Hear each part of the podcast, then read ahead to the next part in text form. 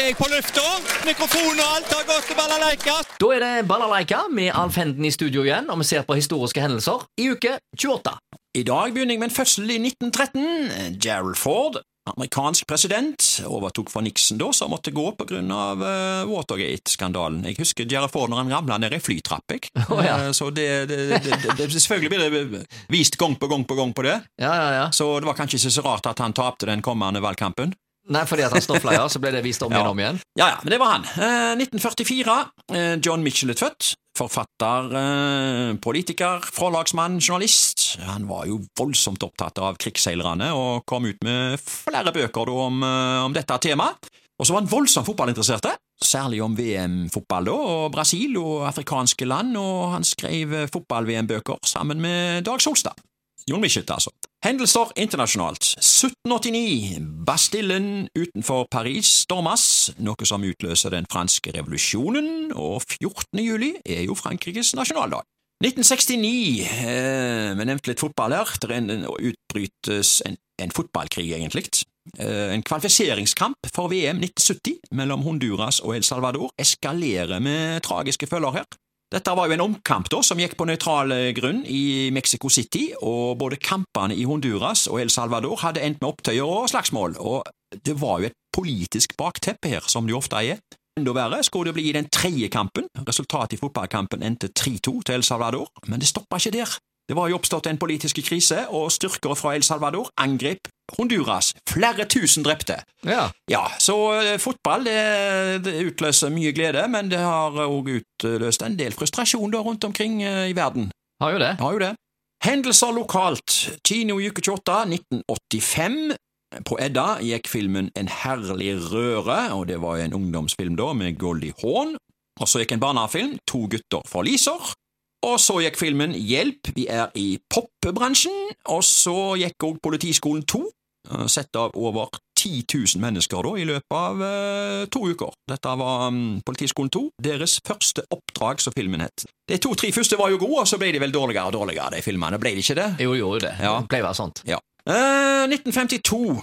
Campingplassen i Haugesund åpna du. Eh, Haugesunds Dagblad skrev NAFs campingplass ved Haraldshaugen ble offisielt innviet i går ved en enkel og verdig høytidelighet.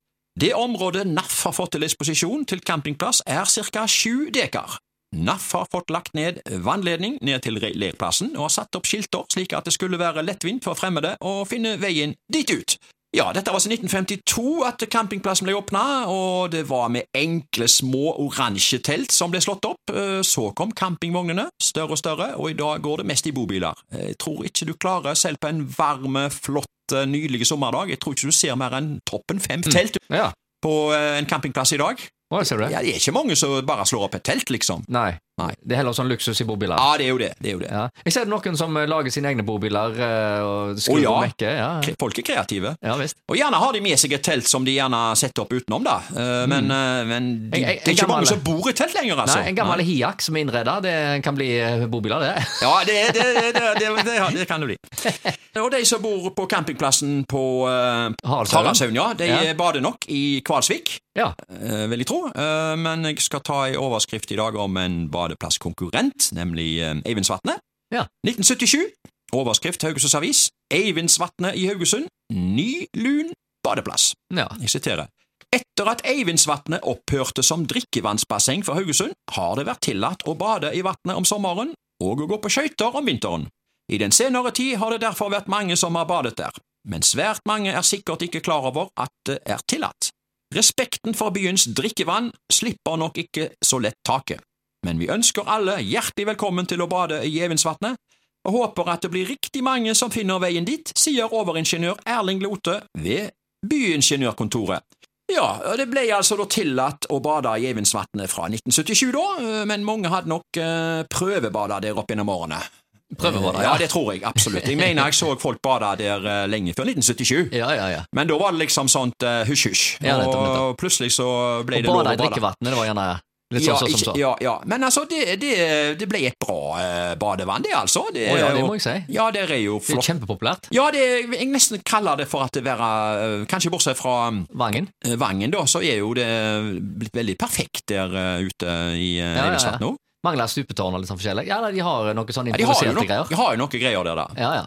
Min favoritt er for så vidt Asalvika. Den er litt sånn bortgjemt på en måte. Og Ja, litt sånn, ja, ja, men, eh, men livets Eividsvatnet er varmest vann. Og så har du jo Grindafjord som er populært. Det er mye. Ja, ja, ja, det mangler ikke på bademuligheter. Liv det, det, det, det ja. gjør ikke det, altså. Nei, nei, nei. Nei, og da er det bare én ting å spørre om. Det er bare én ting å spørre om. Nakenbading i Eividsvatnet! Nei, det er not.